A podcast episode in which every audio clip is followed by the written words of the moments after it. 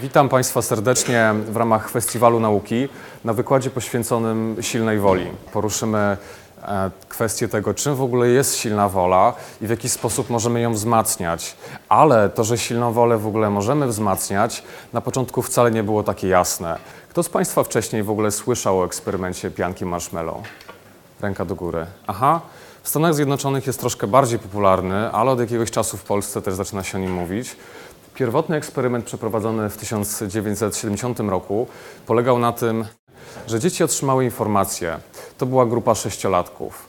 Um, czy w ogóle chcesz piankę marshmallow? Co powiedziały dzieci? Tak. A chcesz jedną, czy chcesz dwie? Co powiedziały dzieci? Dwie, dokładnie tak. Tylko był pewien trik. Trik polegał na tym, że aby otrzymać dwie pianki, dziecko musi chwilę wytrzymać, nie wiedziało ile, e, na powrót eksperymentatora. I tak jak Państwo widzieli, dzieci stosowały różne strategie, które się wiązały po prostu z przeżywaniem napięcia, ale też z jakąś próbą, żeby to napięcie wytrzymać.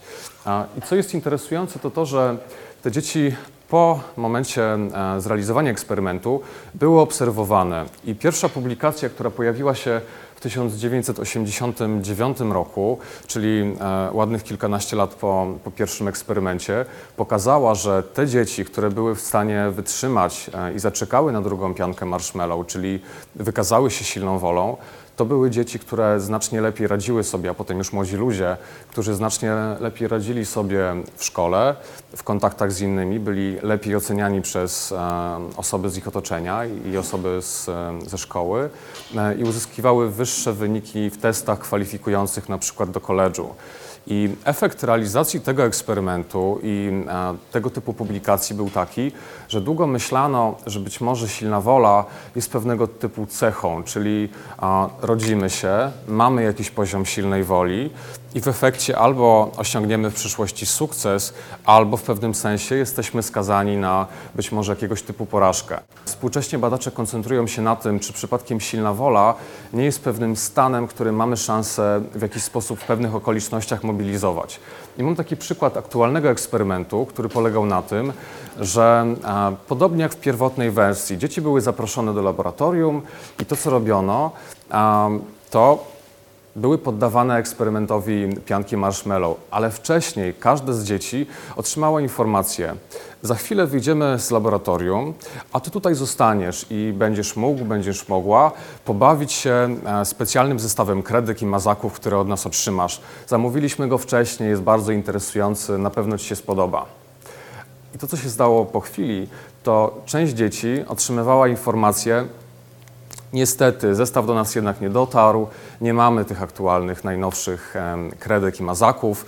Otrzymasz te, które mamy. A te, które mieli, były, no, jak to bardzo prosto można powiedzieć, brzydkie, e, zniszczone, mało interesujące. Bardzo prosto mówiąc, dzieci były po prostu rozczarowane. Druga grupa dzieci otrzymywała mazaki, które były ładne, e, dokładnie tak jak ekspe- eksperymentatorzy obiecali. A, I na czym polegał eksperyment? Polegał na tym, że badacze chcieli sprawdzić, czy przypadkiem taka sytuacja, gdzie jakiegoś typu zawód, czyli taka relacja z otoczeniem, gdzie nie czujemy się pewni, czujemy, że w jakiś sposób nie możemy osobom z otoczenia zaufać, czy w jakiś sposób to nie będzie sprawiało, że silna wola będzie się zmieniała. Te dzieci, które były w kontakcie z eksperymentatorami, który nie był pewny, gdzie czuły się zawiedzione, to były dzieci, które w znacznie mniejszym stopniu były w stanie odroczyć tą gratyfikację, czyli generalnie kontakt z eksperymentatorem, który nie był kontaktem pewnym, nie był kontaktem zaufanym, to był taki kontakt, który sprawiał, że trudniej było dzieciom zachować silną wolę. W porównaniu z dziećmi, które miały takie poczucie, że są w kontakcie, który był zaufany. I zwróćcie Państwo uwagę, to była bardzo krótka interwencja, to była krótka, jednorazowa w zasadzie interakcja z drugim człowiekiem. Kolejny przykład to przykład mm, twarzy, które zostały tak zmodyfikowane, żeby budziły pewne emocje. I niech mi Państwo powiedzą, kto uważa, że to jest osoba godna zaufania. Takie pierwsze spojrzenie, pierwsza refleksja. Czy to jest osoba, której bym zaufał? Ta osoba? A ta trzecia? Trzecia najbardziej, jasne. A te twarze rzeczywiście celowo zostały zmodyfikowane, a zadanie polegało na tym, że części uczestnikom badania prezentowano pierwszą twarz i mówiono: Czy gdyby ta osoba zaoferowała Ci 160 zł teraz, oczywiście przeliczyłem to z amerykańskich dolarów, 160 zł teraz albo 260 zł, jeśli poczekasz 70 dni, to co byś wybrał, wybrała? I tak było w każdym warunku. I efekt był taki, jak się Państwo być może domyślacie, że w przypadku prezentowania tej twarzy uczestnicy badania mieli znacznie większą gotowość, żeby czekać na tą większą kwotę dłuższy czas. Budziło się jakieś poczucie, że um, to środowisko, czy ta osoba, ten kontakt, który byłby tutaj związany z tą interakcją, byłby bezpieczniejszy. I dokładnie na tym to polega. Współcześnie koncentrujemy się na tym, że być może warunki środowiskowe, czy to, jakiego typu relacje Państwo macie z innymi osobami, one będą wpływały na to, czy tą silną wolę uda się w jakiś sposób e, zachować, czy ona się będzie po prostu zmniejszała. I kolejny przykład na grupie nastolatków to będzie przykład troszkę innej formy interwencji, która też stymuluje silną wolę. I on polegał na tym, uczestnicy zostali poproszeni, żeby przypomnieli sobie jakieś wydarzenie, za które czują się wdzięczni. I o to teraz Państwa poproszę. Niech Państwo pomyślą o jakimś takim szczególnym wydarzeniu, gdzie czuliście się Państwo wdzięczni, że ta sytuacja, to wydarzenie, ten kontakt w ogóle ma miejsce. I to jest chwila dla Was. Pomyślcie o tym pewnie z przeszłości. To były młode osoby. Być może z takiego subiektywnego odczucia Państwo macie e, wyobrażenie, że osoby młode generalnie mają troszkę większe trudności w zachowaniu samokontroli, więc bardzo ciekawa grupa. Po tym, po tym doświadczeniu, to co miało miejsce, to uczestnicy badania byli w sytuacji pewnego typu dylematu. Otrzymali informację, że na własność otrzymają około 40 złotych, albo 90 zł, jeśli poczekają jakiś czas. I też musieli podjąć decyzję. W tym przypadku, tak jak wspomniałem, te pieniądze otrzymywali na własność. Owszem, jedna grupa to, co miała zrobić, to wyobrazić sobie jakiś moment, za który są wdzięczni, ale druga grupa miała pomyśleć o czymś neutralnym, czyli pomyśl o czymś, co nie budzi większych emocji, o czymkolwiek. Trzecia grupa miała pomyśleć o czymś, co w jakiś sposób sprawiło, albo jak oni o tym myślą, wywołuje poczucie szczęścia. Niech Państwo zobaczą, jaki był efekt. Okazuje się, że stan emocjonalny, który jest, można powiedzieć, neutralny, w bardzo podobnym stopniu jak stan emocjonalny, który byśmy określili szczęściem, w bardzo podobnym stopniu w zasadzie nie wpływa na przejawianie silnej woli, czy na gotowości, żeby odraczać gratyfikację, jaką w tym przypadku były pieniądze. Ale sytuacja wdzięczności, ma coś takiego w sobie, jeśli chodzi o e, tą specyfikę tej emocji, że sprawia, że ludzie mają większą gotowość, żeby zachować samokontrolę. Jak się Państwo pewnie domyślacie, z tego punktu widzenia to byłoby coś, do czego bym Państwa zachęcał w różnego typu sytuacjach dylematu, tak jak dzisiaj rano. No z jednej strony chcę wstać na wykład, ale z drugiej strony chętnie zostałbym czy zostałabym w łóżku. Być może taka interwencja byłaby dla Państwa też wspierająca. A to teraz przejdziemy do drugiego typu interwencji, który mówi o tym, że czasem warto jest się zastanowić, czy przy dokonywaniu różnego typu wyborów, na przykład żywieniowych, nie jesteśmy nadmiernie rozproszeni. Uczestnicy otrzymali informację, że będą za chwilę spacerowali długim korytarzem i na końcu tego korytarza będą mieli dokonać wyboru. Będą mogli wybrać sobie taką przekąskę, którą no, w tamtym przypadku był czekoladowy tort, albo sałatkę owocową. Kto z Państwa by wybrał w tej chwili tą pierwszą wersję? Ciekawe. A kto z Państwa uważa, że ma silną wolę? Ręka do góry. Aha, to taka dygresja. Jedno z badań wykazało, że te osoby, które deklarują, że mają silną wolę, potem w różnego typu sytuacjach pokusy mają większą tendencję, żeby ulec. Jest jakaś zależność, gdzie tak zwany, no, można powiedzieć, e, taki nierealistyczny optymizm sprawia, że czasami w sytuacjach pokus nie udaje nam się. Ale nie oceniam, może, może Państwo rzeczywiście byliby w stanie wytrwać. Dobrze. W przypadku tego eksperymentu to, co osoby robiły, to część badanych w trakcie spacerowania po korytarzu miała za zadanie powtarzać sobie w głowie ciąg cyfr, po prostu zapamiętać numer telefonu. Druga grupa po prostu spacerowała korytarzem i wszystko. Jaki był efekt? Jak Państwo widzicie, ta grupa, która była rozproszona, to było około 63% osób, które wybrały powiedzmy niezdrową przekąskę, w porównaniu z grupą, która nie była w żaden sposób rozproszona. Tutaj te wartości nie są jakoś ekstremalnie e, różne, ale pokazują pewną tendencję. I obecnie mamy wiele eksperymentów, które wykazują, że osoby, które nie monitorują swojego zachowania, są w jakiś sposób rozproszone, to są osoby, które mają większą tendencję, żeby na przykład ulegać pokusie. I pytanie do Państwa, czy komuś się zdarzyło, żeby na przykład w kolejce w sklepie, albo może w kawiarni, albo na przykład zamawiając, albo tuż przed zamówieniem posiłku, sprawdzać jakiś portal społecznościowy? Zdarzyło się komuś? Nikt się nie odzywa, czyli się. Aha, niektórym się zdarzyło. Mhm. To, to jest taka refleksja. Tak jak teraz też obserwuję studentów um, jako taką grupę, z którą mam największy kontakt w ciągu roku akademickiego, no, to są osoby, które bardzo cenią nie tylko media społecznościowe, ale, ale w ogóle elektronikę. Um, także to, co nam elektronika oferuje, to jest jedno, ale z drugiej strony jest tu pewna pułapka, która sprawia, że niemonitorowanie zachowania może prowadzić do różnego typu wyborów. Dodam jeszcze, że to była grupa osób, która była uwrażliwiona na to, że kwestie zdrowotne w ogóle są ważne. Drodzy Państwo, kolejny eksperyment. Eksperyment polegał na tym, że eksperymentatorzy, będąc w pomieszczeniu, mówili do uczestników: Na chwilę będziemy musieli wyjść. I jedna grupa otrzymywała kolejną informację, która brzmiała: Tak w ogóle to w pokoju jest jeszcze słodkie ciasto. I wychodzili. Druga grupa była proszona o to, żeby pomyślała sobie, jacy będą dumni wtedy, kiedy uda im się wytrwać i nie zjeść tego pysznego ciasta, które się znajduje w laboratorium. A trzecia grupa otrzymywała prośbę, aby wyobrazili sobie poczucie wstydu, no taki duży dyskomfort, który się może pojawić, jeśli ulegną pokusie. Jak Państwo widzicie, efekty były takie, że ta grupa, która budziła w sobie takie poczucie, że będę dumny, jeśli wytrwam, to była grupa, która w znacznie większej e, liczbie była w stanie wytrzymać i nie ulec pokusie w porównaniu z pozostałymi grupami.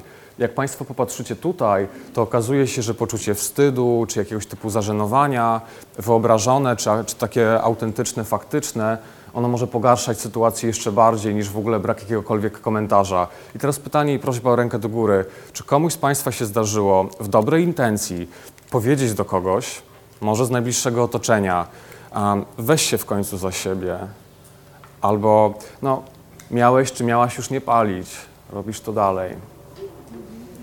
No, tak. To jest nasza intuicyjna próba wsparcia kogoś, ale przestrzegam, że ona może komplikować sytuację. Być może zdarzają się osoby, które po takim nieprzyjemnym komentarzu coś zrobią, ale tendencja jest troszkę inna. Powiedziałem teraz o innych, ale też e, Państwa samych na siebie uwrażliwiam, żeby raczej starać się budować sobie motywację poprzez poszukiwanie tego typu odczuć, a nie na odwrót. No dobrze, więc pytanie byłoby takie, czym w ogóle jest silna wola? I taką definicją, którą ja osobiście cenię najbardziej, um, jest definicja, która mówi o tym, że silna wola to jest taka zdolność do tego, żeby podejmować takie aktywności, takie działania, które są spójne z naszymi celami długoterminowymi, z naszymi wartościami, czy po prostu z tym, co jest dla nas ważne jako takie. Ale uwaga, druga część definicji mówi o tym, że podejmujemy te działania nawet wtedy, kiedy jest nam trudno, albo kiedy z jakiegoś powodu czujemy, że chce nam się w tej chwili czegoś innego. No i pytanie do Państwa, jakiego typu wyzwania przed Państwem stoją albo stały w ostatnim czasie, które się wiążą z silną wolą? Czyli co jest dla Państwa wyzwaniem w tym obszarze? Mam taką hipotezę, że osoby, które na taki wykład przyszły, to są osoby, które ten temat jakoś mają w doświadczeniu, czy w jakiś sposób wydaje się dla Was ważny. Więc poprosiłbym jakieś przykłady. Co dla Państwa było, czy jest? Sprzątanie, czyli taka potrzeba, żeby zmobilizować się i posprzątać może najbliższe na przykład otoczenie. Jasne. Co jeszcze? Oszczędzanie. Jasne. Mhm.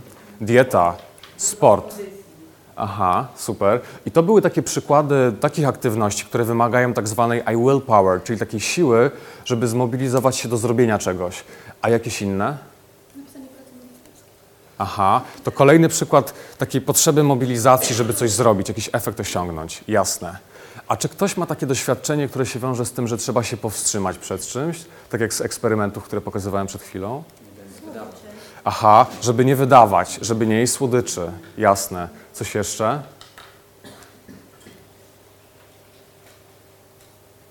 Aha.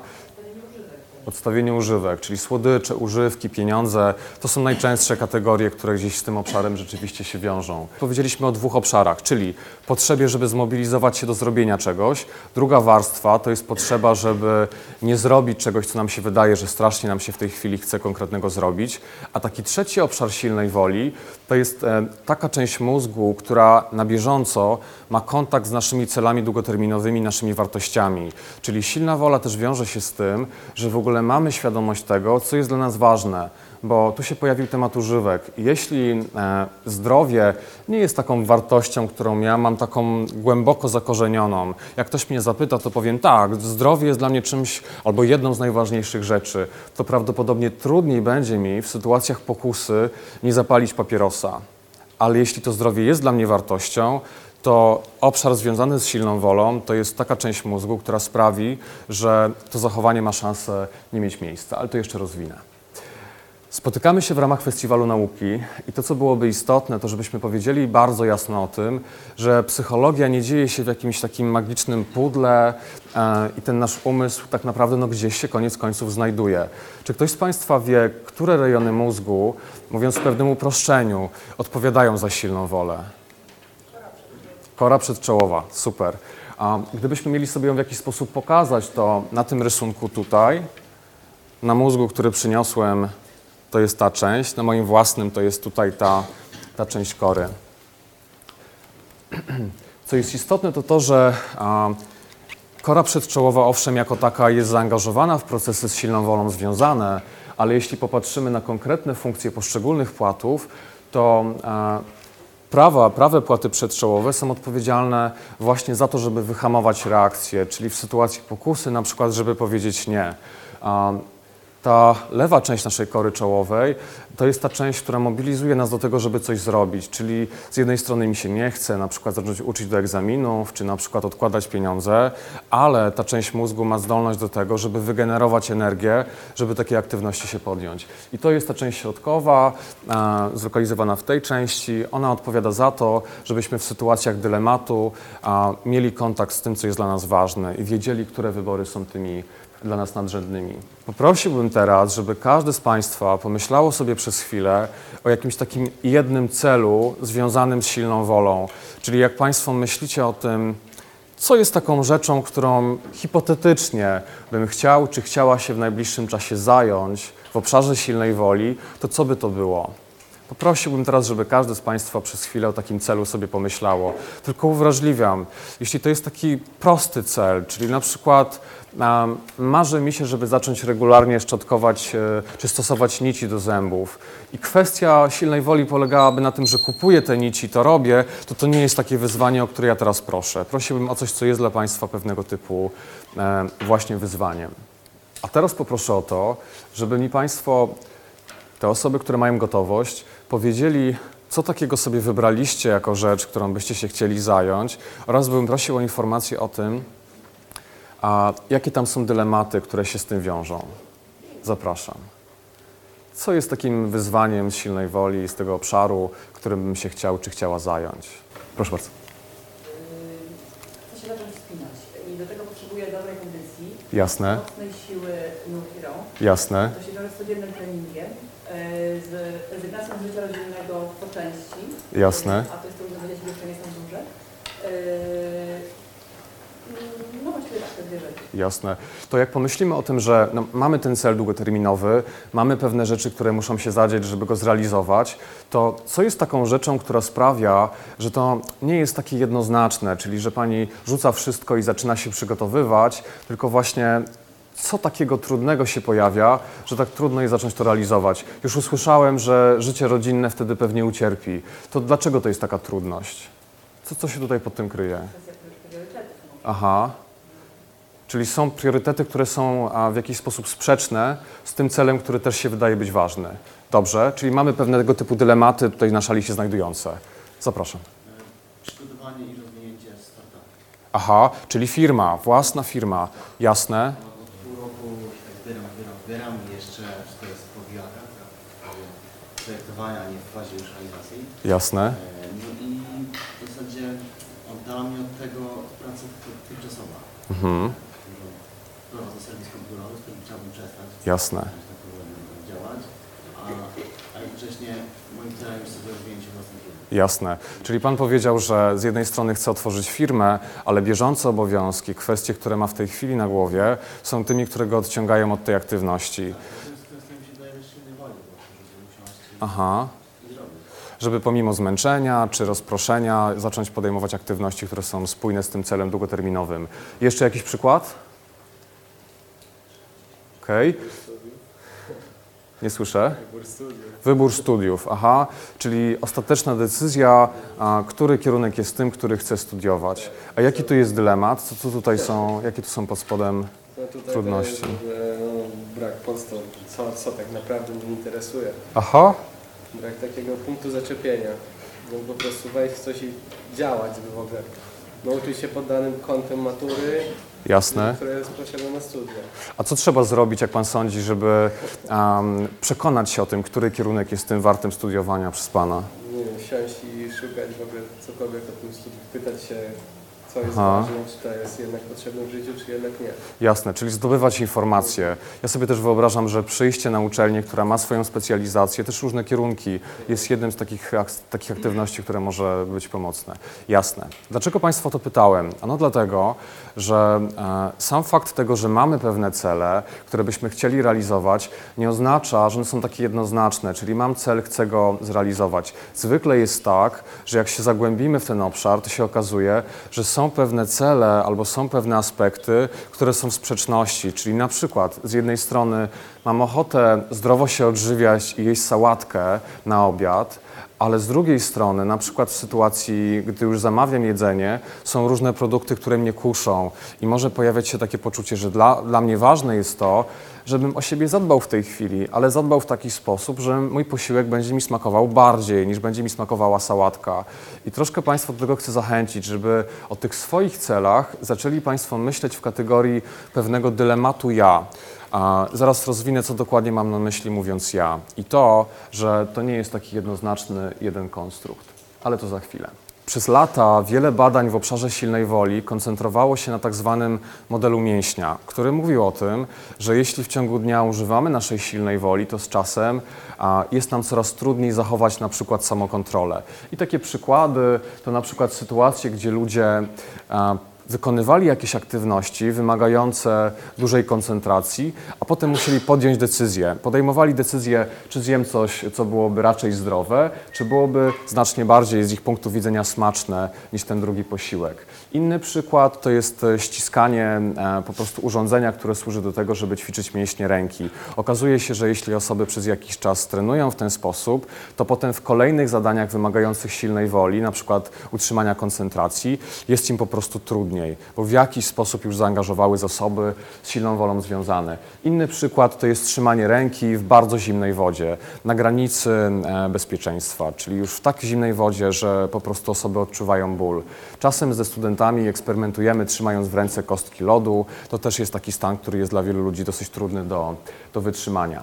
No i to była grupa eksperymentów, z której wnioski były bardzo jednoznaczne. Czyli jeśli dużo używamy naszej silnej woli, to potem niestety może się okazać, że jeśli przez cały dzień będąc w pracy jakoś się trzymałem, ale koncentrowałem na różnych zadaniach, to potem po południu jest ryzyko, że bardzo łatwo ulegnę na przykład pizzy albo jakiemuś produktowi czy czemukolwiek innemu, co nie byłoby zgodne z moimi długoterminowymi celami. Miało to też pewne przełożenie na taki aspekt typowo społeczny i taka grupa zawodowa, którą ja sobie szczególnie cenię, to są właśnie lekarze. No, to jest grupa zawodowa, która, lekarze czy w ogóle personel medyczny, to jest taka grupa, która w ciągu dnia swojej pracy, często także nocy, ma przed sobą bardzo wiele wyzwań związanych z silną wolą. I niech sobie Państwo wyobrażą, że jak ta grupa, to była taka całkiem spora populacja, te osoby były śledzone przez 20-godzinny cykl pracy i przyglądano się temu, na ile są w stanie w odpowiedniej częstotliwości dezynfekować ręce. I jak popatrzymy na wyniki, to w ciągu dnia ta częstotliwość po prostu się zmniejszała e, i była zdecydowanie niezawalająca wobec tego, jaka być powinna. I drodzy Państwo, jakie były efekty tego typu badań? Bo co już, co już było wiadomo? Wiadomo było tyle. Jeśli w ciągu dnia używamy silnej woli, to wydaje się, że tego zasobu z czasem mamy po prostu mniej. Więc to, co zaczęto robić w szpitalach, to eksperymentowano w ten sposób, że na przykład em, łapano któregoś lekarza, czy któregoś lekarza, czy którąś lekarkę, podkładano specjalną próbkę i proszono o odcisk palca i sprawdzano, czy rozwijają się bakterie. Jeśli tak, to była jasna informacja, że niewystarczająco dobrze wysterylizował Pan swoje dłonie i w związku z czym poinformujemy pozostały personel. Jak Państwo sądzicie, jaki był efekt? Pomogło, czy może nie? Ktoś kręci głową, pewnie nie. Zasugerowałem, że tak, zasugerowałem, że nie. Rzeczywiście to już jest bardzo jednoznaczne, że wzbudzanie wstydu czy poczucia winy jest czymś, co w przypadku wyzwań z silną wolą związanych nie jest rzeczą pomocną. I w tej chwili podejście jest takie, żeby raczej monitorować i wspierać poprzez informację zwrotną, która jest bezpieczna, czyli informujemy o tym, jaka jest sytuacja i sprawdzamy na przykład personel, co możemy zrobić, żeby tą sytuację usprawnić, ale unikamy e, takich sytuacji, gdzie jakaś lista na przykład wisi na korytarzu i wszyscy mogą zobaczyć, że ja konkretnie jestem osobą, która nie spełnia kryteriów e, bezpieczeństwa. I drodzy Państwo, jaki w związku z tym był wniosek? Wniosek po pierwsze był taki, że przydałoby się, żeby osoby, które się znajdują w różnego typu dylematach silnej woli, to były osoby, które mają szansę w ciągu dnia w jakiś sposób przypomnieć sobie o swoim celu. I na przykładzie e, obszaru medycznego w tej chwili lekarze w bardzo wielu miejscach, w placówkach służby zdrowia, mają przyrządy służące temu, żeby zdezynfekować ręce. Mają też wiele przypominajek. Czyli cel jest taki, po pierwsze, ponieważ, tak jak wspomniałem, takim dużym wyzwaniem jest to, że kiedy nie monitorujemy naszego zachowania, to w efekcie możemy reagować tym drugim systemem mózgu, czyli takim systemem, który mówi o tym, że teraz chcemy sprawić sobie przyjemność. Więc po pierwsze potrzebujemy przypominacza. To jest akurat taki przykład amerykański, e, który jak się Państwo przyjrzycie, może nie, nie wszyscy widzą, mówi bardzo prosto. Spalaj kalorie, nie elektryczność.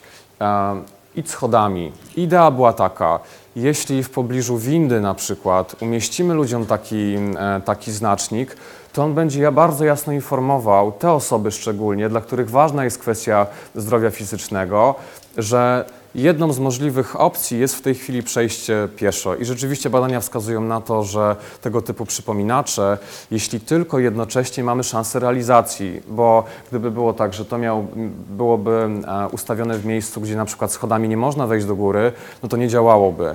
I moja prośba byłaby teraz taka, żeby Państwo w odniesieniu do celu, który sobie sformułowaliście, pomyśleli o tym, w jaki sposób w swoim miejscu zamieszkania możecie jakoś ten cel zaimplementować w swoje, e, w swoje środowisko. Ja podam taki przykład od jednej ze studentek, która e, za cel postawiła sobie, żeby w ciągu tygodnia pomiędzy zajęciami jeść dużo sałatek. I to, co zrobiła, narysowała sobie jakąś tam e, odręczną sałatkę i napisała jedz sałatę i przykleiła w pobliżu wyjścia z mieszkania. Jak deklarowała później, było to dosyć skuteczne i rzeczywiście w ciągu dnia, już po, samym przypomnieniu sobie o tym celu rano, znacznie częściej jadła coś, co było zielone, ale po kilku dniach jej partner dopisał e, ręcznie informację zjedzmy kebaba. I efekt był taki, efekt był taki, że rzeczywiście przez kolejne dni jedli troszeczkę inaczej. E, No to można na przykład właśnie postawić go przy szafce nocnej, zawsze jak idę spać. Jasne. Potrzebuję już rąk, żeby cokolwiek innego robić, mogę nim nasmarować ręce. Tylko e, właśnie miałem od razu, jeśli mogę pytanie. pewnie. Bo, e, akurat ten przykład z kremem jest na o tyle dobry, że zawsze znajduje się tylko przy szafce nocnej i tylko jak idę spać, e, widzę ten krem. Tak. Natomiast jeśli będę go widział cały dzień, na przykład będzie teczka leżąca, która ma mi o czymś przypomnieć na biurku, jeśli po pięciu, siedmiu, trzech dniach, nie wiem, stracę jakby, w sensie ona tam będzie leżeć, już to będzie e, część krajobrazu. Bardzo trafny argument, oczywiście. Ja tutaj, drodzy Państwo, to bardzo jasno też podkreślam, że pierwszy krok to jest umieścić cel, stworzyć możliwości i monitorować, czyli nawet jeśli do tej teczki ja się przyzwyczaję, to jeśli na przykład um, ustawię sobie jakieś przypomnienie w telefonie, które co jakiś czas będzie informowało mnie o tym, czy ćwiczę albo czy robię coś konkretnego, to w ten sposób mam szansę tego aspektu też em, uniknąć. I idziemy dalej. Jak popatrzymy na różne eksperymenty, które dotyczyły właśnie silnej woli jako mięśnia, to e, okazywało się, że osoby, które miały różnego typu cele, ale były proszone o wykonywanie drobnych interwencji. Jeden przykład był taki, że osoby, które miały permanentny bałagan w mieszkaniu, były proszone o to, żeby raz w tygodniu podjąć jeden konkretny krok, który się wiązał z posprzątaniem mieszkania. I podam Państwu przykład. Pierwszego tygodnia mieli za zadanie codziennie otwierać szafę i dotykać wszystkich rzeczy, które w niej leżą. Tyle. I krok po kroku robili coraz więcej. Okazało się, że po pewnym czasie te osoby, wszystkie, to mieszkanie posprzątały w porównaniu z tymi, które nie miały żadnej interwencji. A jedyne, co mieli zrobić, to po dwóch czy trzech tygodniach to mieszkanie po prostu wysprzątać. Inny przykład to jest zwracanie uwagi na postawę. Okazuje się, że w ramach eksperymentu te osoby, które były proszone, żeby przez dwa tygodnie zwracać uwagę na to, w jaki sposób siedzą, w jaki sposób chodzą, to były osoby, które potem spontanicznie wprowadzały różnego typu korzystne zmiany w ich życiu. Unikanie przeklinania to jest inny przykład, czyli te osoby, które miały tendencję, żeby przeklinać, miały za zadanie po prostu starać się tego przeklinania unikać. Okazywało się później, że wprowadzały znacznie więcej zmian, których wcześniej im się wprowadzić nie udało. I ostatni przykład to jest używanie niedominującej ręki, czyli jeśli jestem praworęczny, to przez kilka tygodni mam za zadanie używać drugiej ręki. Jaki był efekt? Efekt był taki, że te osoby też wprowadzały znacznie więcej zmian. Jak Państwo sądzicie, dlaczego tego typu dziwne zadania, ja w ogóle celowo, ponieważ jednym z takich zadań, tak jak wspomniałem, jest właśnie ściskanie specjalnego urządzenia, to Państwu je puszczę, żeby Państwo trochę się mogli rozproszyć, a też przy okazji zobaczyć, jak bardzo prosta jest to interwencja, która po dwóch tygodniach była skuteczna. Jak Państwo sądzicie, dlaczego typu, tego typu aktywności mogły jakoś ogólnie wpływać potem na naszą silną wolę? Co tu się działo? Nie słyszę? Aktywizacja. Aha. Aha. Czyli pojawia się pewna mobilizacja. Ja to troszkę przeniosę na taki aspekt już bardziej neurologiczny i powiem tak. Ta metafora silnej woli jako mięśnia zaczęła w którymś momencie być traktowana dosłownie, czyli okazało się, że jeśli my regularnie w jakiś sposób używamy naszej silnej woli, to po prostu generalnie staje się bardziej efektywna i z czasem stajemy się bardziej skuteczni w różnego typu zadaniach. Hipoteza byłaby też taka, że być może te osoby, które wykonywały różnego typu zadania, po prostu stawały się bardziej świadome i bardziej monitorujące swoje zachowanie.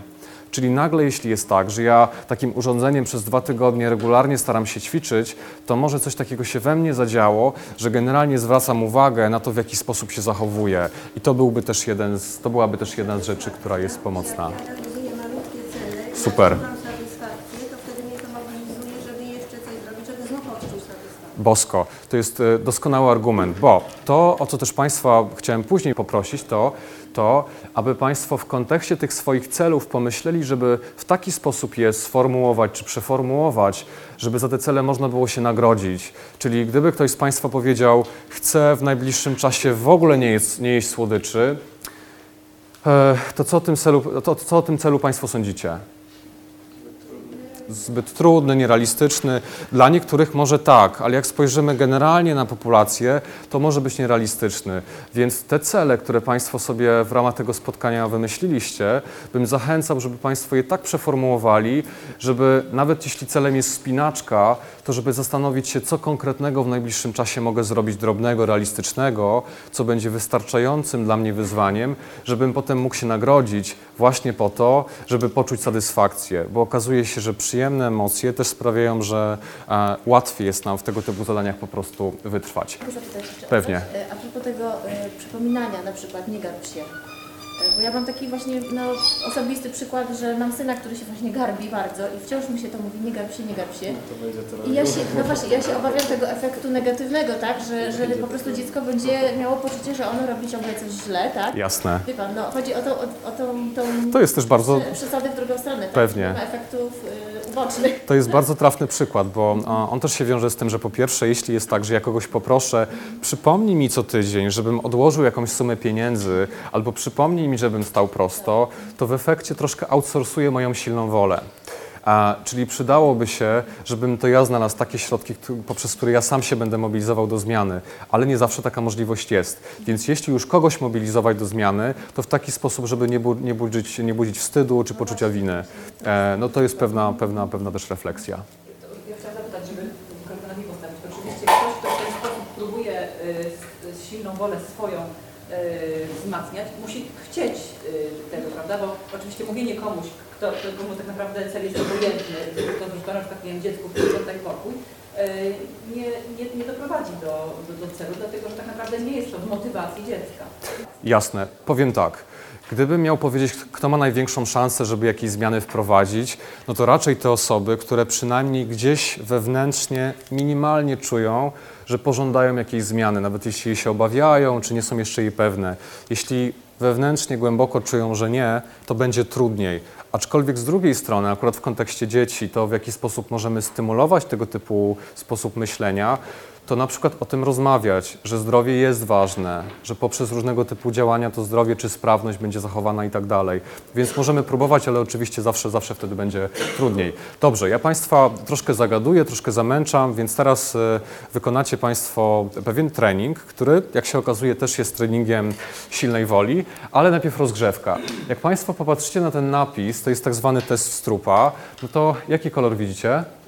Aha, a więc bym prosił o to, żeby Państwo się na kolorze koncentrowali, a nie na słowie, czyli jakby na tym, w jaki sposób namalowane jest to, to słowo.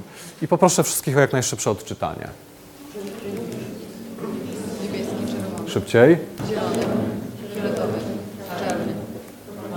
Super. To teraz wykonamy już autentyczny trening silnej woli.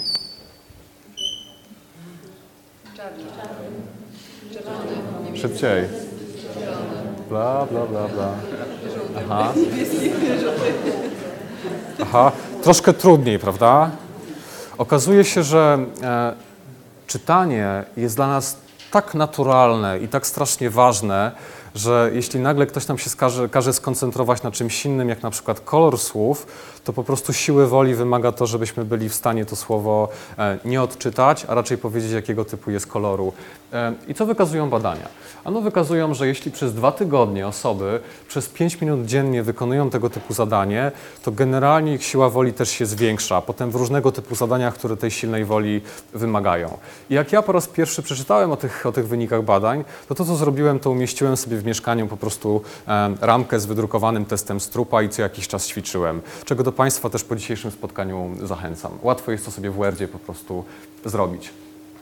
Kolejny eksperyment, który się wiązał właśnie ze ściskaniem czegoś, co miało wyćwiczyć naszą rękę, polegał na tym, że e, całkiem spora grupa ludzi przez dwa tygodnie miała za zadanie ćwiczyć ściskając właśnie e, ręką specjalne urządzenie, które Państwu e, przekazałem oraz powstrzymywać się od jedzenia słodyczy. Czyli informacja była generalnie taka, staraj się po prostu unikać słodyczy. I co się okazało?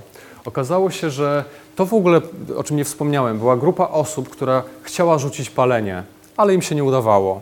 I efekt był taki, że po takiej dwutygodniowej interwencji um, 12% osób z grupy kontrolnej nie paliło, czyli część osób przestało palić przez miesiąc, część osób paliło.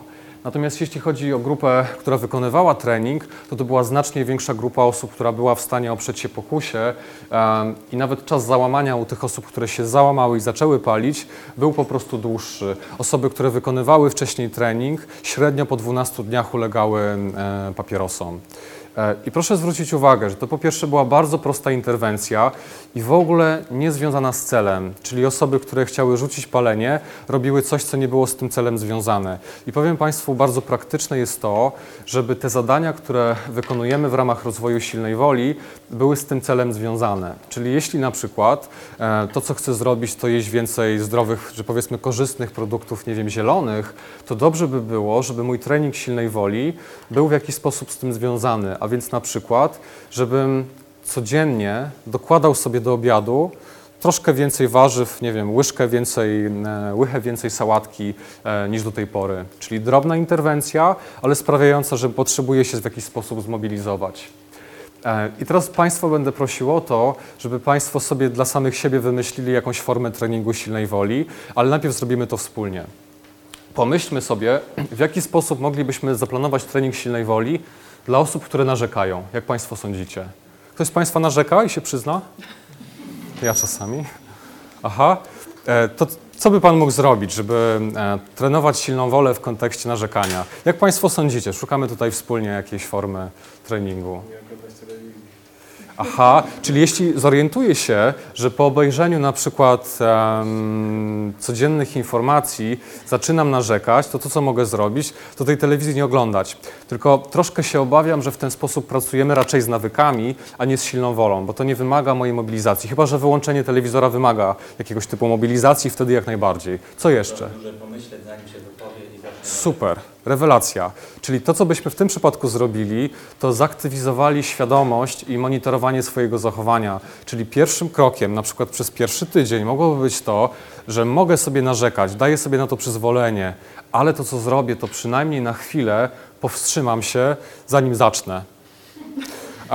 I badania pokazują, że na przykład osoby, które mają tendencję, żeby palić papierosy, a chciałyby przestać, jeśli w pierwszych krokach zaczynają pracować w ten sposób, że zapalę papierosa, ale poczekam 3 minuty, a potem poczekam 5 minut, 10 minut, to to są osoby, z którym, czas, którym z czasem jest efektywniej i łatwiej e, całkowicie rzucić palenie.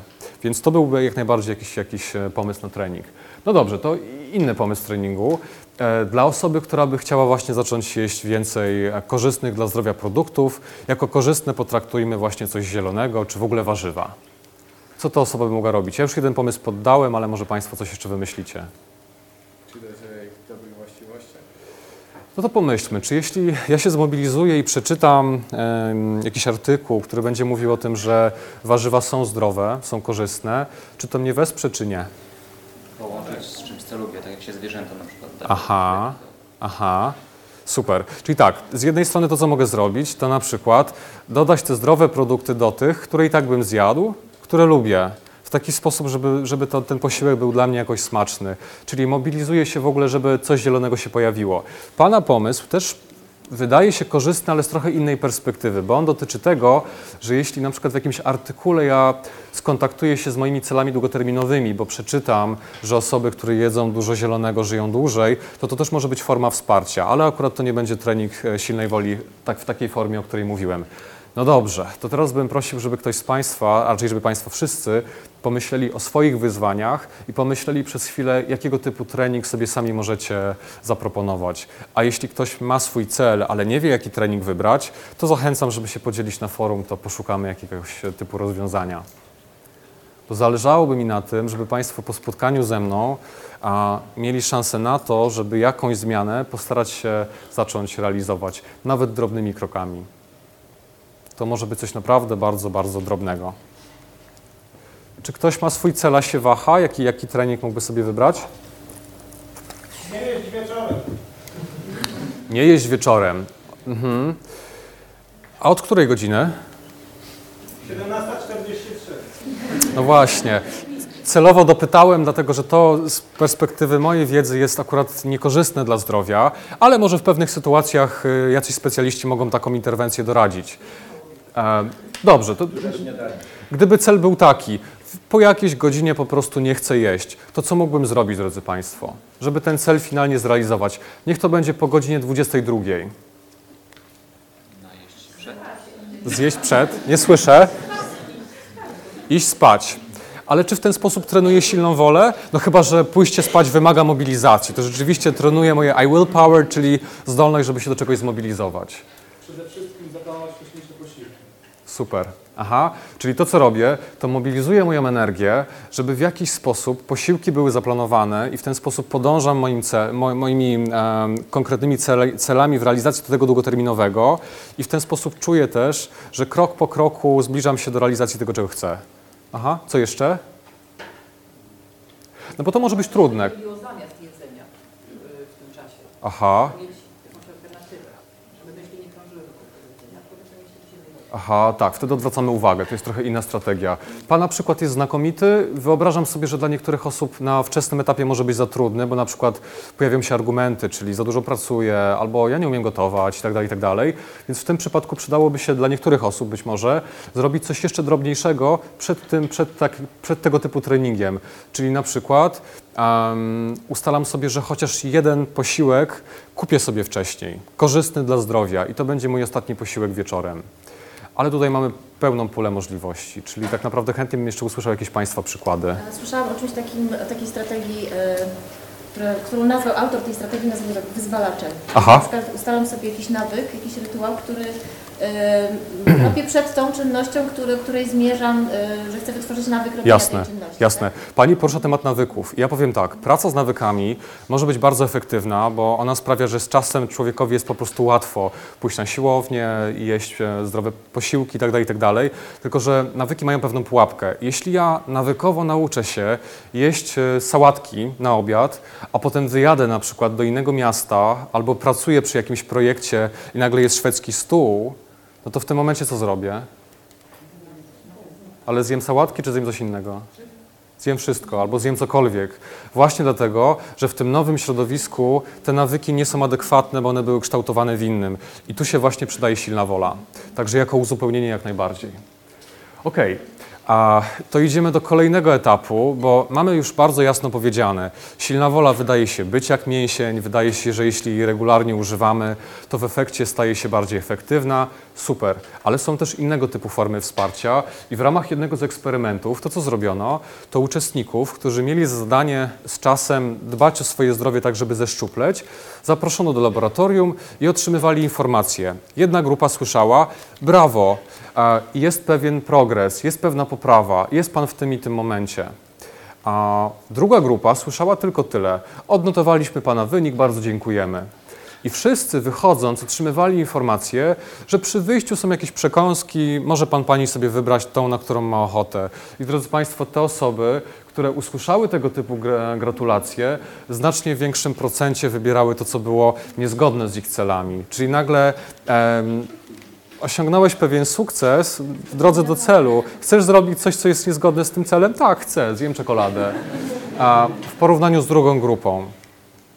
I to jest taki obszar, który e, dotyczy całej linii badań, która pokazuje, że całkiem spora grupa ludzi, która ma jakieś cele, gdy przychodzi do ich realizacji, gdy wykonają jakikolwiek proces e, w stronę tego celu, jego realizacja się załamuje. Otóż okazuje się, drodzy Państwo, że jeśli mam takie poczucie, że mój cel być może jest ważny, ale gdzieś koniec końców się z nim nie utożsamiam. Czyli z jednej strony chcę mieć na przykład szczupły brzuch, ale z drugiej strony sałatka to nie jest coś, na co mam ochotę. To, na co mam ochotę tak naprawdę, to jest obfity posiłek. To w przypadku takich osób, które jakieś kroki podejmują w drodze do realizacji celu, gdy jakiś proces realizacji już się zadzieje, to w tym momencie zaczynają te osoby odpuszczać. I mam takie do Państwa pytanie, czy jest tutaj na sali ktoś, kto czasem na kartce zapisuje sobie swoje różne cele do realizacji, tak zwaną to-do list, listę rzeczy do zrobienia. A czy komuś z Państwa, super, a czy komuś z Państwa się zdarzyło, że którąś rzecz z tej listy zrealizowaliście, przekreśliliście tą rzecz i potem już nie robiliście kolejnych? To było takie poczucie, uff, super, coś zrobiłem, to teraz się chwilkę rozproszę i potem już nie wracaliśmy do realizacji. Zdarzyło się komuś czy nie? Aha, zdarzyło się. E, To jest tak zwany mechanizm moral licensing, tak zwanego licencjonowania moralnego. I ten mechanizm polega na tym, że jeśli ja się właśnie tak bardzo głęboko z tym celem nie utożsamiam, albo jeśli jest tak, że ja nie do końca czuję w ogóle ideę, czyli no niby wiem, że zdrowe odżywianie jest zdrowe, ale przecież jem tak jak jem i jest dobrze i wyglądam też w porządku. E, To w tym przypadku, jeśli zrobię już jakiś proces e, zmiany, to w tym momencie przestaje mi się chcieć ten cel realizować. Jeśli a, ja zrobię coś, co wydaje się takie dobre i korzystne, czy w jakimś sensie miejsce, w którym jestem, jest takim właśnie super zdrowym, to generalnie wszystko tu jest zdrowe, więc mogę zjeść cokolwiek.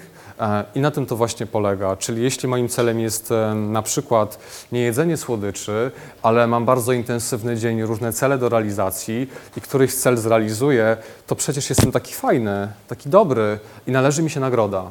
Inny przykład eksperymentu, który polegał na tym, że całkiem spora populacja, nie wiem czy ją zapisałem, to było chyba tak, 154 apartamenty, czyli powiedzmy rodziny czy, czy generalnie osoby, e, otrzymywały informację, że zużywają więcej wody niż reszta populacji. I co się w efekcie stało? Te osoby po jakimś czasie, chyba po miesiącu, zmniejszyły częstotliwość zużycia wody o 6%, ale jednocześnie zwiększyły zużycie prądu. Drodzy Państwo, dlaczego? Dlatego, że jeśli ja znowu z tym celem się nie utożsamiam, dla mnie dbanie o środowisko czy o moje finanse nie jest czymś, co jest jakoś tak wewnętrznie strasznie ważne, to nawet gdy ktoś mi zwróci uwagę, zużywasz dużo prądu czy wody, to zmniejszę to zużycie, ale w jakiś sposób odreaguję na innym polu. I to jest podobnie tak jak z tymi słodyczami. Czyli już się tyle powstrzymałem, to teraz mogę sobie w, inny sposób e, to wynagrodzić. E, No i właśnie dlatego jest jeszcze kolejna strategia, która jest w tym pomocna. Zacznę od eksperymentu. Eksperyment polegał na tym, że uczestnicy zostali poproszeni o to, żeby wyobrazili sobie, kiedy ostatnio udało im się ulec pokusie. A druga grupa miała sobie wyobrazić, kiedy ostatnio wytrwali e, i czegoś słodkiego nie zjedli. I generalnie efekt był taki, że te osoby, które miały sobie wyobrazić e, tą sytuację, gdy uległy pokusie, to były osoby, które znacznie częściej wybierały coś słodkiego. Te osoby, które sobie wyobrażały, dlaczego, dla, które sobie wyobrażały, że nie uległy pokusie, były znacznie bardziej efektywne, żeby pokusie nie ulec. Ale najbardziej efektywne były te osoby, które były pytane dlaczego Czyli interwencją była prosta informacja. Panie Mateuszu, a proszę sobie wyobrazić ostatni raz, kiedy się Panu udało nie ulec pokusie, a dlaczego tak się stało? I te osoby, które to deklarowały, ta silna wola była znacznie większa. E, I niech, niech teraz Państwo to do swoich celów odniosą, czyli w różnych sytuacjach pokusy, gdy na przykład jestem w kolejce e, i chcę kupić kawę, ale kusi mnie coś słodkiego, jeśli pomyślę sobie, dlaczego dla mnie ważne jest to, żeby nie jeść dużo słodyczy, prawdopodobnie znacznie łatwiej będzie mi nie ulec. To jest po prostu łatwiejsza zdolność do tego, żeby się skontaktować z moimi wartościami, czy z czymś, co długofalowo jest dla mnie w jakiś sposób istotne. Państwo pamiętacie tą sytuację, ten przykład eksperymentu, gdzie mówiłem, że osoby wybierały po informacji o tym, jaki postęp uzyskały, wybierały sałatkę owocową albo coś e, słodkiego. Gdyby eksperymentatorzy zapytali, a proszę przypomnieć, a dlaczego w ogóle jest Pani w tym programie? Zmiany stylu życia, to prawdopodobnie te liczby by się odwróciły i te osoby po takim pytaniu nie ulegałyby czemuś słodkiemu. I te osoby, które e, wśród nas może są, które pracują w kontakcie z pacjentami czy z jakimiś osobami, które jakieś zmiany chcą wprowadzać, to to jest bardzo dobre pytanie, żeby po prostu weryfikować, co się kryje pod spodem. No dobrze, to powiedzieliśmy sporo o pozytywnych emocjach, one są niezwykle ważne, jasna sprawa. Ale jakby, jakbym Państwa zapytał, co byłoby bardziej korzystne w realizacji Waszych długoterminowych celów? Czy wyobrażać sobie sukces, czy wyobrażać sobie ewentualną porażkę? Kto uważa, że bardziej by Państwu pomogło wyobrażanie sobie sukcesu? Ręka do góry. Aha, a kto ma takie poczucie, że wyobrażenie porażki mogłoby być e, przydatne? Mniej osób. Aha. Więc po raz kolejny, jak sobie popatrzymy na takie nasze intuicyjne odczucia, co może być korzystne, to badania potrafią pokazać, że zupełnie coś innego. I tu jest przykład eksperymentu, gdzie e, grupa kobiet to, co miała zrobić, to zwiększyć swoją aktywność fizyczną. I to, co robiły, to chodziły na siłownię, no w jakiś sposób miały uprawiać sport. E, Tylko połowa tych osób była proszona o to, żeby codziennie wyobrażać sobie, kiedy im się może nie udać.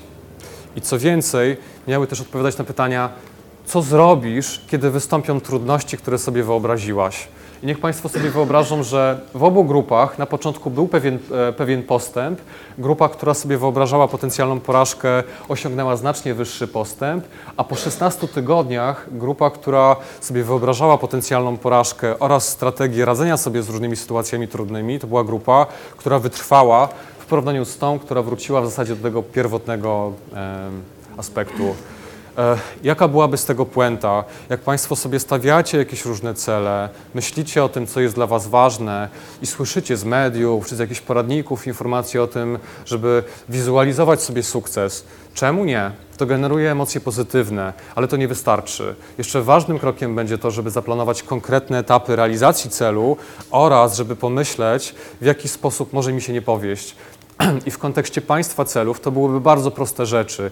Jeśli ja się orientuję, że ważne jest dla mnie w ogóle to, żebym jadł więcej zdrowych produktów, ale siebie już troszkę znam i wiem, że jak zamawiam kawę w kawiarni, to siłą rzeczy widząc przez szybę jakieś słodkie ciastka, znacznie częściej te ciastka zamawiam, to to, co mogę zrobić, to przed tą sytuacją nazwać ją sobie i powiedzieć, za chwilkę będzie sytuacja pokusy, to co chcę zrobić, to nie zamówić nic słodkiego albo zamówić tylko kawę, A robię to dlatego, że ważne dla mnie jest to, żeby moje ciało było na przykład w dobrej formie. Czyli to byłoby znowu skontaktowanie się z głęboką motywacją i monitorowanie swojego zachowania. Kolejny bardzo ważny aspekt to to, że nie żyjemy, drodzy Państwo, w próżni.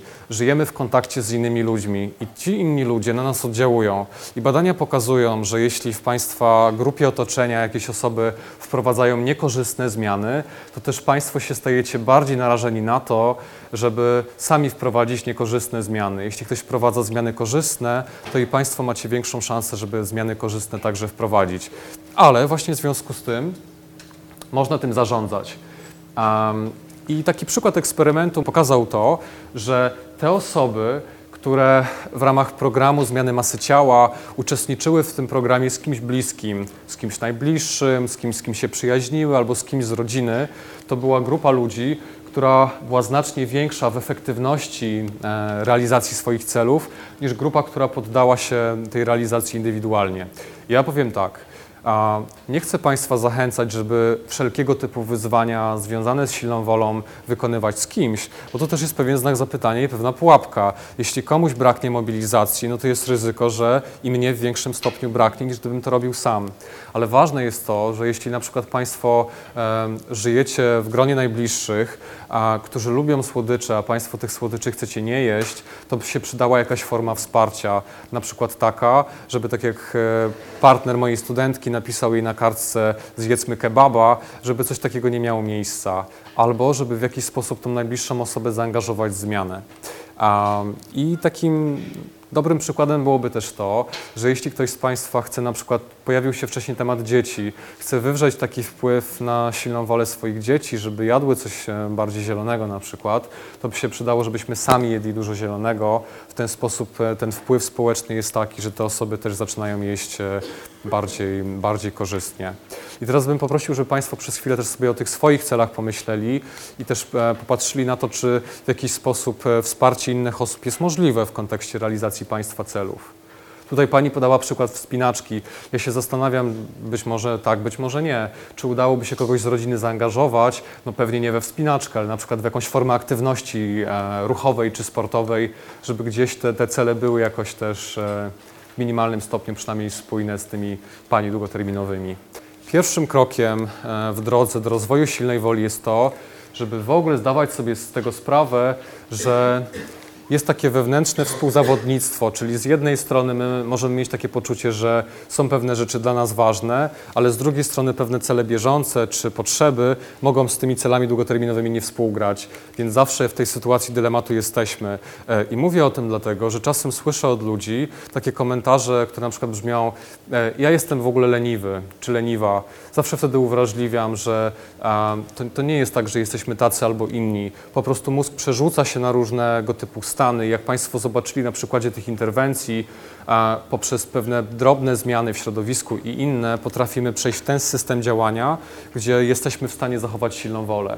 Kolejny krok to jest wzmacniać mięsień silnej woli, czyli robić różne rzeczy, czasami może niezwiązane z, naszą, z naszym konkretnym celem do realizacji, ale często też warto byłoby robić te związane, które sprawiają, że nasza silna wola się generalnie zwiększa. Czyli jeśli chcę przebiec maraton, to przydałoby się, żebym zaczął od czegoś drobnego i na przykład co jakiś czas robił brzuszki. Na przestrzeni wielu miesięcy może się uda. Na to wskazują przynajmniej badania. Zwiększać siłę chcę, czyli a, sprawdzać, co jest dla mnie głęboką, długoterminową wartością. Jeśli zdrowie, to w sytuacji dylematu będzie mi po prostu łatwiej. I tu jest to pytanie, które Państwu, e, które państwo widzieli na slajdzie. Dlaczego? Dlaczego ja to w ogóle robię? Po co mi to jest? Ono wydaje się sprawiać, że ludziom jest, jest, jest po prostu łatwiej tolerować dyskomfort. Teraz już wiemy współcześnie, że i w kontekście silnej woli, i w kontekście radzenia sobie ze stresem, najbardziej efektywną rzeczą jest to, żeby uczyć się akceptować to, co się w nas pojawia, nasze, nasze odczucia, nasze żądze, nasze potrzeby. Wtedy radzimy sobie po prostu efektywniej. Kolejna rzecz to mieć kontakt ze swoim przyszłym ja. E, Nie mamy czasu, żeby ten obszar badań w zakresie silnej woli teraz rozwinąć, ale powiem Państwu tylko tyle, że badania pokazują, że te osoby, które myślą o, myśląc o sobie w, z przyszłości, na przykład za 30-40 lat, mają takie poczucie, że ja z przyszłości to jest mi ktoś bliski. To nie jest mi ktoś obcy, czy ktoś, jak o, jak o tej sobie myślę, to mi się robi jakoś nieprzyjemnie. to to są osoby, które mają większą silną wolę, żeby dbać o siebie tu i teraz i robić takie rzeczy, które zdrowiu na przykład sprzyjają. W jaki sposób to robić? W ogóle o sobie z przyszłości czasem pomyśleć. Pobyć w kontakcie z tą osobą, która jest wyobrażona. Kolejna rzecz to zwiększać silną wolę poprzez kontakt z innymi. Ja na przykład realizuję to w ten sposób, że jeśli udaje mi się zrobić coś korzystnego dla zdrowia i na przykład wybrać na jakąś aktywność sportową, to czasem potrafię złośliwie zrobić zdjęcie właśnie na przykład na jodze i umieścić na portalu społecznościowym, bo głęboko wierzę w to i potwierdzają to badania, że jeśli osoby z waszego otoczenia widzą, że robicie pewne rzeczy korzystne, to też mają większą szansę, żeby tego typu korzystne zmiany wprowadzić. Ale też zachęcam Państwa do tego, żebyście Państwo zapraszali swoich najbliższych, takich czy innych, żeby uczestniczyli w realizacji tych celów, które sobie sami e, po prostu stawiacie. I co mi pozostaje na koniec? Zanim zaproszę Państwa do zadawania ewentualnych otwartych pytań albo indywidualnych, to chcę Państwu życzyć bardzo wielu wyzwań z zakresu silnej woli, właśnie po to, żeby te Wasze mięśnie silnej woli się rozwijały i żeby Państwo byli e, coraz bardziej efektywni w realizacji tych swoich celów. Bardzo dziękuję. Jeśli są pytania, to cały czas jestem i zapraszam.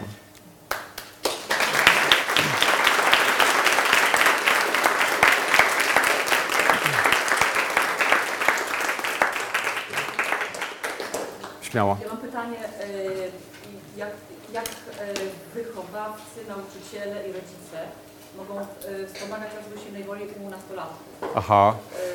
którzy się uczą, zwłaszcza w aspekcie nauki. Znaczy rozumiem, że te, te wszystkie e, reguły się odnoszą do tej sytuacji, ale, ale to jest specyficzna sytuacja. Jasne. E, Powiem tak, te interwencje absolutnie są uniwersalne i można je implikować także w kontakcie z młodymi osobami.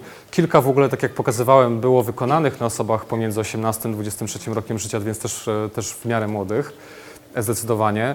Z drugiej strony, e, ja bym powiedział tak, e, rzeczywiście bardzo ważnym aspektem jest to, żeby te osoby, które są jakąś formą autorytetu dla młodych ludzi, ten autorytet budowały. Czyli jeśli em, celem wychowawcy jest to, żeby młode osoby uprawiały aktywność fizyczną, no to by się przydało, żeby stwarzał takie warunki, że ta aktywność fizyczna może mieć miejsce, czyli żeby w ramach, nie wiem, wycieczek klasowych, które jeśli w ogóle mają miejsce, to żeby ta aktywność była zaplanowana, żeby nauczyciel też brał e, udział w tej aktywności.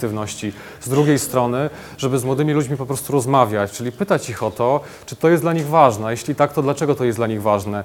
Dla mnie zaskoczeniem było to, że w zeszłym roku miałem w liceach kilkanaście prelekcji z zakresu stresu, ale tylko wspominałem o obszarze silnej woli i młodzi ludzie byli bardzo zainteresowani, mieli ogromną gotowość, żeby o tym obszarze rozmawiać.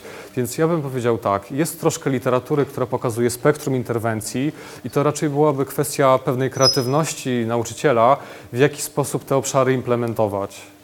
E, Na przykład e, też spotkałem się z taką opinią na, w Stanach Zjednoczonych na Uniwersytecie Stanforda, że przydałoby się, żeby w ogóle w programie studiów a, był ten obszar nie studiów, tylko edukacji w szkole, był ten obszar zaimplementowany. I w ostatnim czasie ktoś mi wysłał rozpiskę zajęć szkolnych w Wietnamie i tam się znajdowały zajęcia z tak zwanego obszaru uważności. Uważność czy ośmiotygodniowe treningi uważności to jest taki trening, który rozwija zdolność do tego, żeby zwracać uwagę na tu i teraz, czyli też jedna z interwencji, o której ja tutaj mówiłem, czyli monitorowanie swojego zachowania. Także kwestia kreatywności, tak, tak bym to ujął, i bycia też autorytetem. A czy y, można, wychowując dzieci, czy dużo złego można zrobić w zakresie silnej woli? Znaczy, co można zepsuć? W jaki sposób rodzice i, i, i nauczyciele mogą spowodować, że dziecko y, za, za, zamyka tę, tę swoją y, silną wolę? Czy że, że po prostu ma słabszą wolę Aha. przez wychowawcę? Aha, no to ja bym to tak bardzo ogólnie zebrał, mówiąc tak.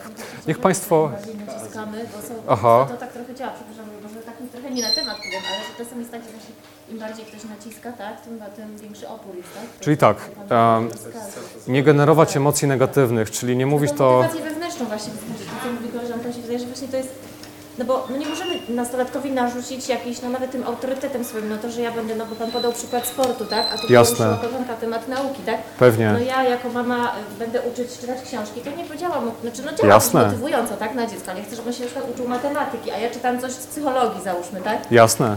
No on musi chcieć po prostu, jak to, no nie wiem, czy to się da w ogóle Aha. zrobić fizycznie, tak? Czyli na przykład w ogóle z nim o tym rozmawiać. My mówimy o tym, co my byśmy chcieli w sobie Pewnie. zmienić, tak? Ale jeżeli chcemy mieć wpływ na kogoś, no to tak jakby wk- wkraczamy już w obszar jego osobowości i tego, co on chce. Tak, to ja przerwę i zapytam tak. A czy zdarzyło się Państwu w Państwa życiu, że mieliście poczucie, że jakiś przedmiot polubiliście dlatego, że nauczyciel był wyjątkowy? Jasna sprawa. E, I z czego to wynikało? No pewnie nie tylko z wyjątkowości przedmiotu, ale z tego, że nauczyciel was szanował, że was pytał o zdanie, że dawał wam pewne wyzwania, czyli z bycia w takim kontakcie jak w przypadku tego testu pianki, gdzie eksperymentator okazywał się godnym zaufania, czyli budowania autentycznej relacji, bezpiecznej, jako nauczyciel z, z młodym człowiekiem, czy jako rodzic. Z drugiej strony, tak bym ten, ten obszar też poruszył, że e, poruszyłem temat tolerancji dyskomfortu. No, niech Państwo na to popatrzą. Jeśli jestem nauczycielem, który sam nie toleruje dyskomfortu, łatwo się irytuje, czy na przykład uczniowie widzą mnie, że w przerwach gdzieś biegnę nie wiem, w pokoju socjalnym i popalam papierosy, czy w jakiś sposób w ogóle sytuacje trudne są, e, sprawiają, że sobie z nimi radzę nie tak, jak być może bym chciał, no to w efekcie czego uczę osoby z otoczenia? No uczę tego, że tolerowanie dyskomfortu e, w moim przypadku przebiega tak, że albo próbuję to w jakiś sposób zagłuszyć, na przykład zajadając, albo emocjonalnie reaguję, jestem nieprzyjemny i tak dalej. W ten sposób też budujemy silną wolę lub jej braku innych osób. Także to, to też w ten sposób bym potraktował. Przede wszystkim też nie wzbudzać e, takiego, mm, negatywnych emocji u dzieci, tak? Czyli takiego poczucia wstydu. Jasne. A jeśli negatywne emocje się pojawią, bo na przykład coś się stało i nie wiem, dziecko płacze czy przeżywa, to takim ważnym krokiem jest też to, żeby usłyszało, że to jak się czujesz jest w porządku. Że, że, ma, że ma prawo ci być smutno, albo że to, co się stało, widzę, że wzbudziło w tobie emocje, ale nie ma w tym nic złego. W ten sposób też taka akceptacja tych emocji sprawia, że one przestają być tak intensywne. Ja nie mówiłem o eksperymencie, w którym e, uczestnicy byli w taki sposób poddani manipulacji eksperymentalnej, że pomimo tego, że się odchudzali, musieli, mieli zadanie zjeść słodkie, słodkie ciastka, potem wypić szklankę wody. E, I część uczestników eksperymentu słyszała taki komentarz. Drodzy Państwo, wiemy z doświadczenia, że te osoby, które realizują jakiś zdrowy styl życia, a potem się złamią, w którymś momencie czują wstyd. Niepotrzebnie, to naturalne. W ramach procesu zmiany każdy ma prawo czasem zrobić coś, co nie jest zgodne z jego celami. I efekt był taki, że te osoby, które były w ten sposób wsparte, w 40% były bardziej efektywne w tym, żeby w kolejnym zadaniu nie ulec y, pokusie. I to jest tak zwane common humanity, takie pokazanie, że pewne reakcje są naturalne, że jesteśmy ludźmi. Tak teraz też pracują dietetycy, no, różne osoby, które wspierają swoich pacjentów. Po prostu mówią o tym, że kryzys ma prawo przyjść.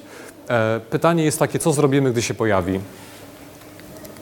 Czy coś jeszcze? A jak znaleźć ten ba- balans, to z jednej strony próbować silną wodę, wodę, a z drugiej strony sam pan powiedział, że ona się męczy, tak? Jasne. Jeśli ją jakby trenujemy, to y, możemy jakoś nie przetrenować, żeby ją osłabić. Aha, no cały dylemat będzie taki, że jeśli ja któregoś dnia podejmę się takich zadań, że będę już tak zmęczony, że potem moja kontrola będzie bardzo słaba, to będzie problem. Ale ja Państwu pokazałem drobne interwencje, czyli nagle chcę uprawiać sport, ale mogę zacząć od tego, że będę regularnie robił brzuszki. Z czasem ten mięsień siły woli, czy te płaty przedczołowe będą bardziej efektywne i będę bardziej wydajny.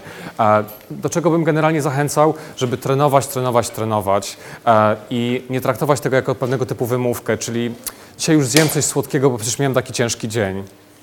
A jeśli będzie ciężko, to szukać tego, co jest moją głęboką, war- głęboką wartością pod spodem, tak? Czyli już ledwo się trzymam, już nie mogę wytrwać.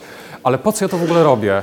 U niektórych osób, jak było widać w tych eksperymentach, to było wystarczające wsparcie, żeby się udało. A czy, y, czy tak, y, taka rzecz jak e, chodzenie późno spać, właściwie rano spać y, i no tam wiadomo, y, rzeczy na Facebooku i Tak. tak dalej, sieci y, i do, do, dochodzi do sytuacji, w której już nawet jak y, chce się osoba położyć wcześniej spać, to nie jest w stanie zasnąć. Czy tutaj chodzi o cel, o trenowanie silnej woli, czy tutaj już chodzi o to, że organizm jest biologicznie przestawiony ten zegar biologiczny organizmu i Aha.